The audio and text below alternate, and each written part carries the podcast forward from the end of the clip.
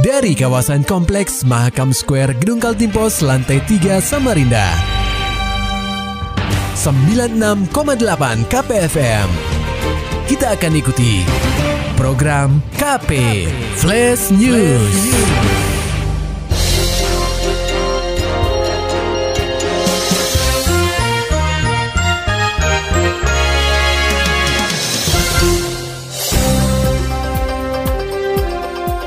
Anda sedang menyimak program KP Flash News bersama saya Agung Pratama.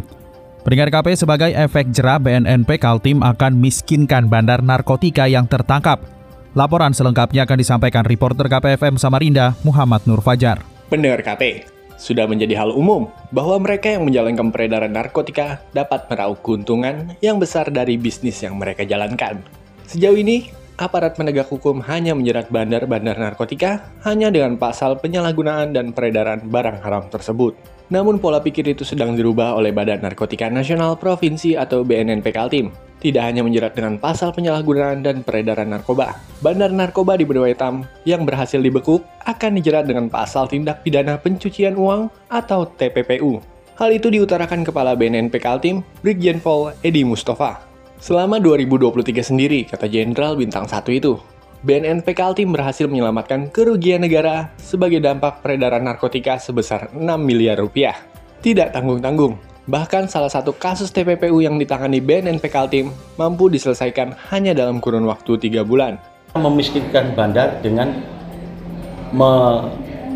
menerapkan pasal tindak pidana pencucian uang. Hmm. Nah, di sinilah yang yang paling besar nilainya, hmm. karena kita memiskinkan para bandar ini.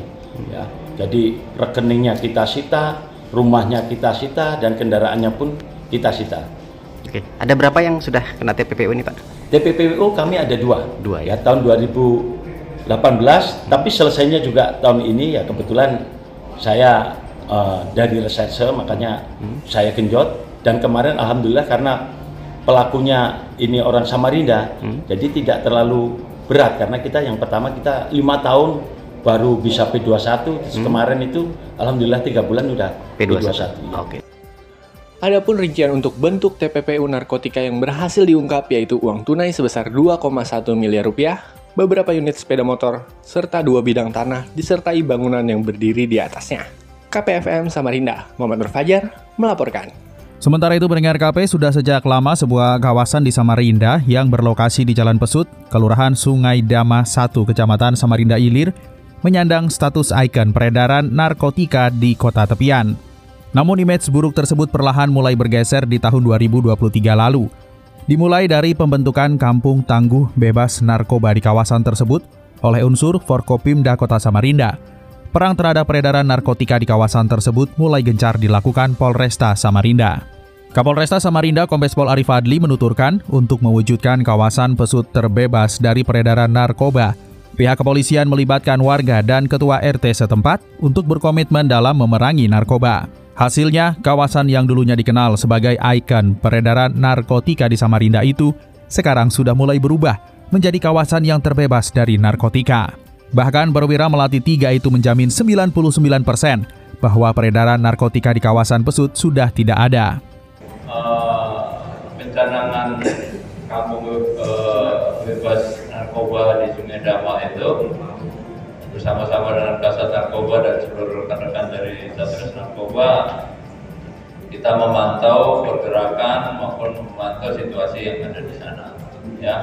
Dan pasca satu bulan setelah kita bentuk kemudian kita lakukan terus pengecekan saya yakin sejak saat itu saya sudah mencanangkan bahwa 99% tidak ada ya di peredaran lagi di sana.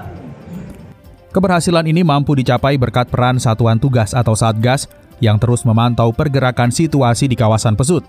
Oleh sebab itu, Ari berharap komitmen warga dan ketua RT setempat terus terjaga untuk menjaga kawasan Pesut menjadi daerah yang terbebas dari peredaran dan penyalahgunaan narkotika.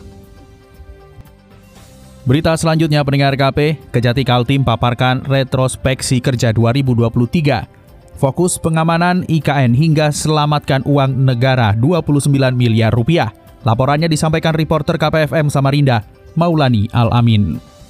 Pendengar KP, Memasuki awal 2024, jajaran Korps Adiaksa yang terdiri dari Kaltim hingga Kaltara memaparkan hasil capaian kerja.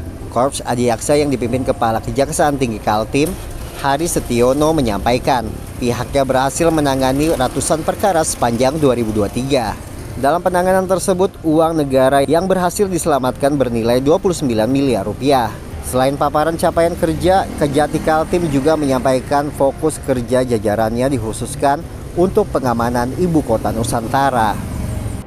Oleh karena itu masukan-masukan terkait khususnya masalah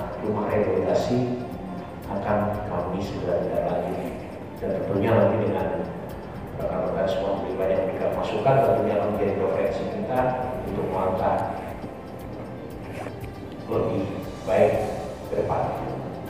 Begitu pula dalam memasuki tahun politik 2024, jajaran Kejati Kaltim juga berharap ada sinergi semua pihak, sehingga pesta demokrasi lima tahunan ini berjalan baik.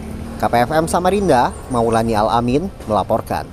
Maulani Alamin, Muhammad Nur Fajar, KPFM Samarinda. Serta dapatkan berita-berita selengkapnya di www.968kpfm.co.id. Demikian tadi telah kita simak rangkaian berita-berita yang terangkum dalam program KP Flash News. Persembahan dari 96,8 KPFM. Terima kasih dan sampai jumpa.